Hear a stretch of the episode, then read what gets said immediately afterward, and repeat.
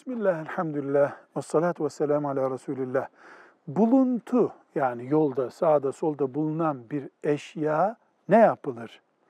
Cevap, değerli bir şey veya değersiz bir şey. Mesela yolda bir mendil bulundu. Bu mendili sahibi dönüp geri aramayı bile isteyeceği kadar değerli bir şey değil. Ama yolda bir saat bulundu, cep telefonu bulundu, değerli bir eşya.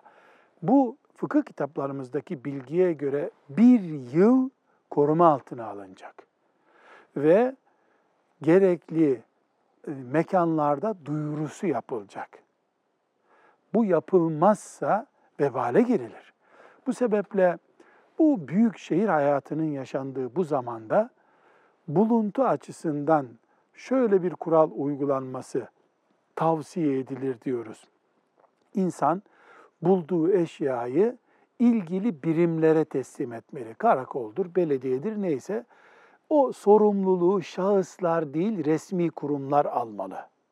Hayır böyle bir imkan yok, bir güvensizlik söz konusu vesaire ise bir yıl bekleyecek, bir cep telefonu buldum, sahibi bana gelsin diyecek, köy camisine asacak e, veya parkın kenarına asacak, nasıl yapacaksa artık.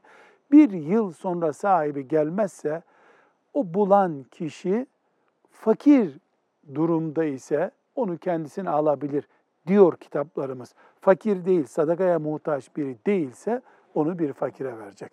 Ama tavsiye edilecek en güvenli yöntem resmi makamlara teslim etmektir. Tutanak karşılığında tabii. Velhamdülillahi Rabbil Alemin.